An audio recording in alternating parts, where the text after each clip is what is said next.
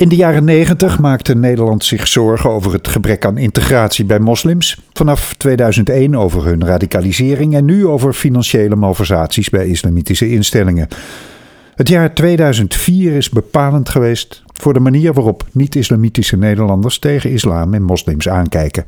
Nog steeds. In een levendige schets van de recente geschiedenis van islam en moslims in Nederland laat Maurits Berger in 2004 de toekomst van islam in Nederland zien hoe dat zo is gekomen. Hij toont aan dat we die geschiedenis in eigen hand hebben en kunnen wijzigen als we willen. Maurits Berger is hoogleraar islam en het Westen aan de Universiteit Leiden en publiceert en commentarieert al jaren over islamgerelateerde onderwerpen. Dag Maurits. Dag. Laten we beginnen bij dat uh, jaartal 2004, dat volgens wat ik net heb voorgelezen in ieder geval bepalend is geweest voor de manier waarop niet-islamitische Nederlanders tegen islam en moslims aankijken. Ik had eerlijk gezegd eerder 2001 verwacht, 9-11. Hoezo 2004? Ja, dat dacht ik ook. Ik had dat zelf ook gedacht. Ik, ik, ik ben met dit boek begonnen eigenlijk als een geschiedenisboek. Um, um, zo, omdat ik dacht, we weten er eigenlijk helemaal niks van.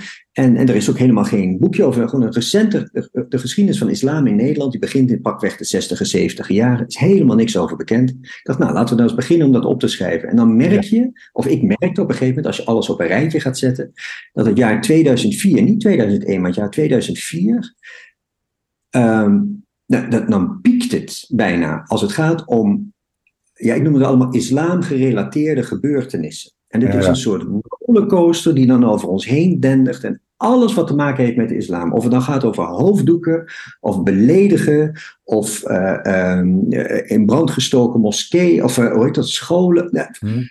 Oprichting uh, PVV, oprichting CM. Je kan het niet zo gek bedenken of het is in dat jaar gebeurd. Hmm. En het interessante is dat we ons achteraf helemaal niet meer kunnen herinneren. Nee, Nee. En uh, heb je ook een verklaring daarvoor? Is het een verlaten reactie op 9-11? Of heeft het met bijvoorbeeld de moord op Theo van Gogh te maken?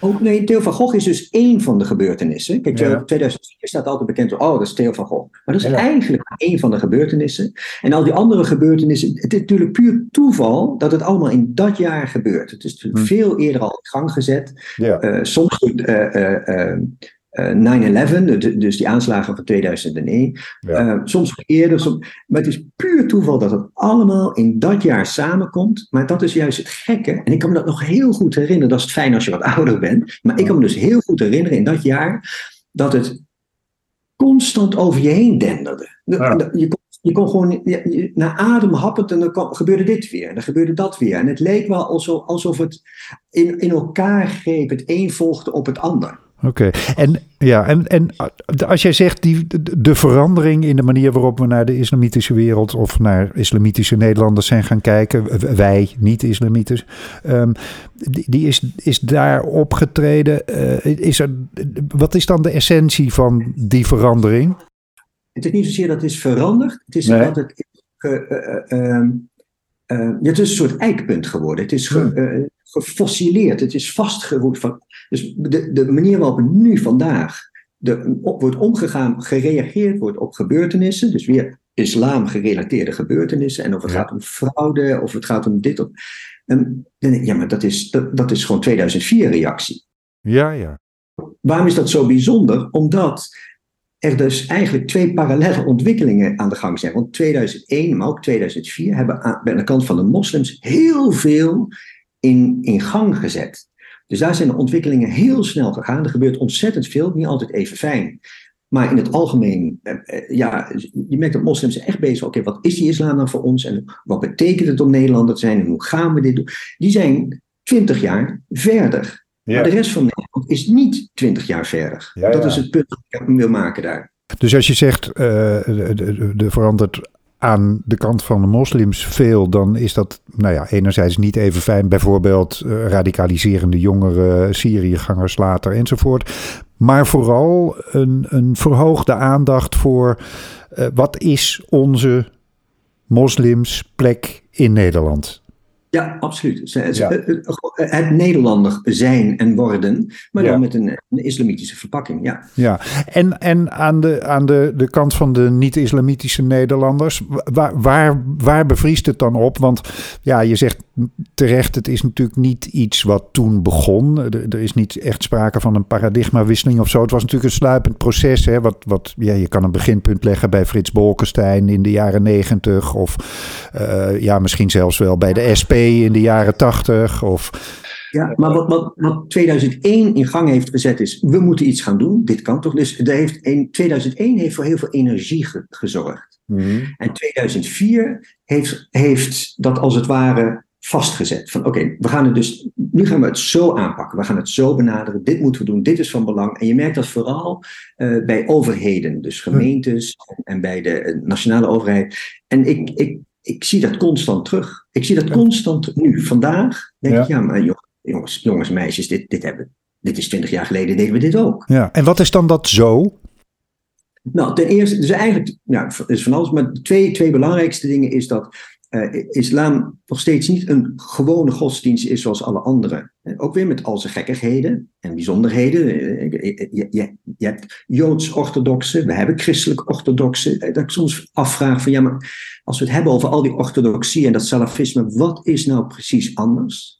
Dus blijkbaar wordt de islam nog steeds als anders gezien of als zorgelijker gezien. Mhm. En het andere is dat islam en moslims dus ook heel vaak in de, in, in uh, ja, toch wel in, in, in de mist van veiligheid, of dus onveiligheid, wordt mhm. gezien. Veiligheid is echt een heel groot ding. En dat, daar alles wordt door de lens van veiligheid bekeken als het gaat over islam en moslims. En nu net ook dat hele, we hebben nu net de toeslagenfraude gehad, maar nu komt de, ja, dat heet uh, uh, de, uh, de giftenaftrekfraude, gaat er ook aankomen, zal je straks ja, zien. Ja. En die is helemaal gefocust op moslims. Op moskee, op moskee hè? Ja. Aan de hand. Ja, ja ja, ja.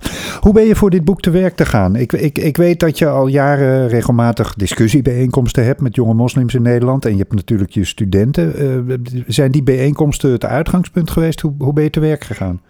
Nee, eigenlijk, ik, eigenlijk, dit was gewoon een beetje, uh, ik zou zeggen, suffe professorenwerk van, goh, ik wil eigenlijk, wat ik zei, ik wil eigenlijk wel een geschiedenisboekje schrijven, want dat is er niet.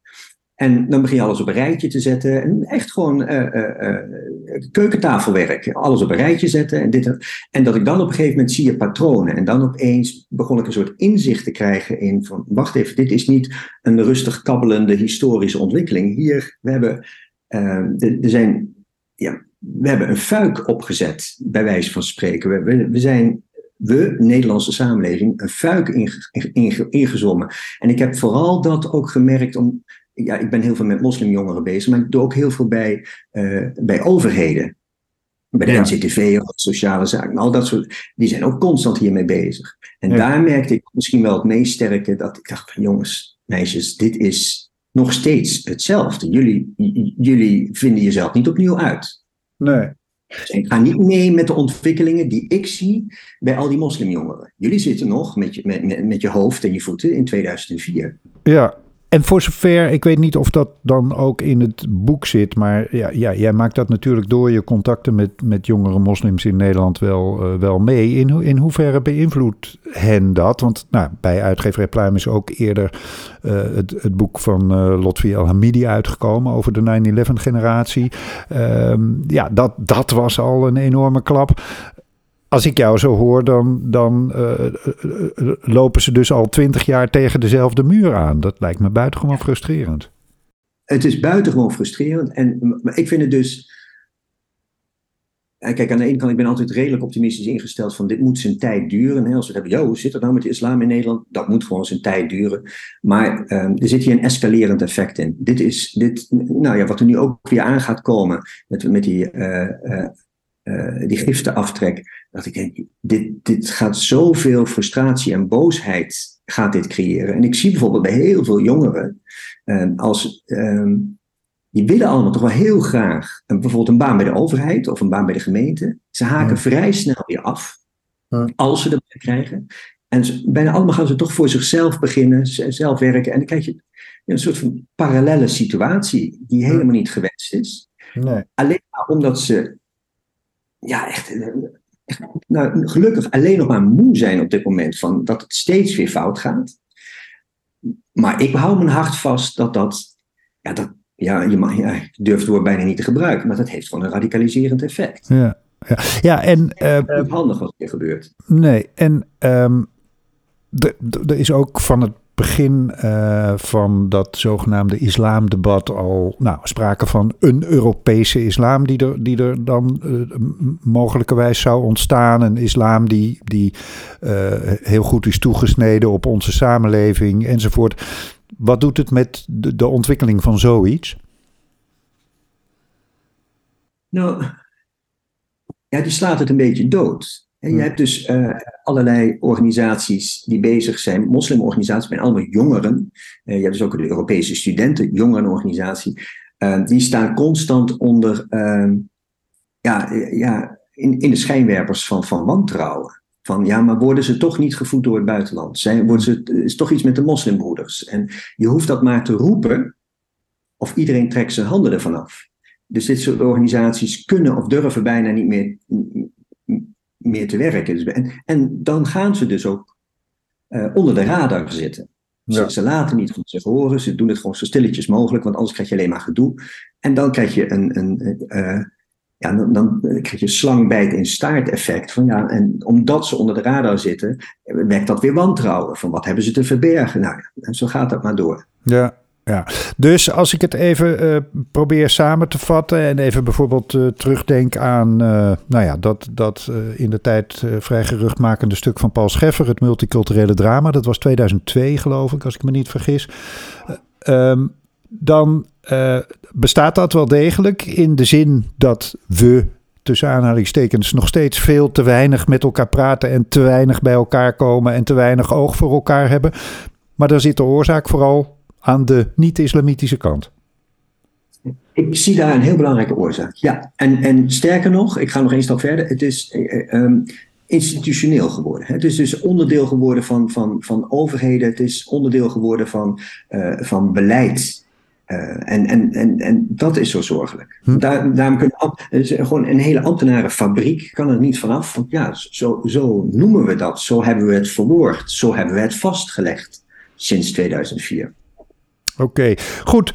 Laten we hopen dat uh, de, de, hele ambtenarij en politiek dus in ieder geval uh, jouw boek straks, 2004, De toekomst van islam in Nederland, uh, gaat lezen. Dankjewel Maurits.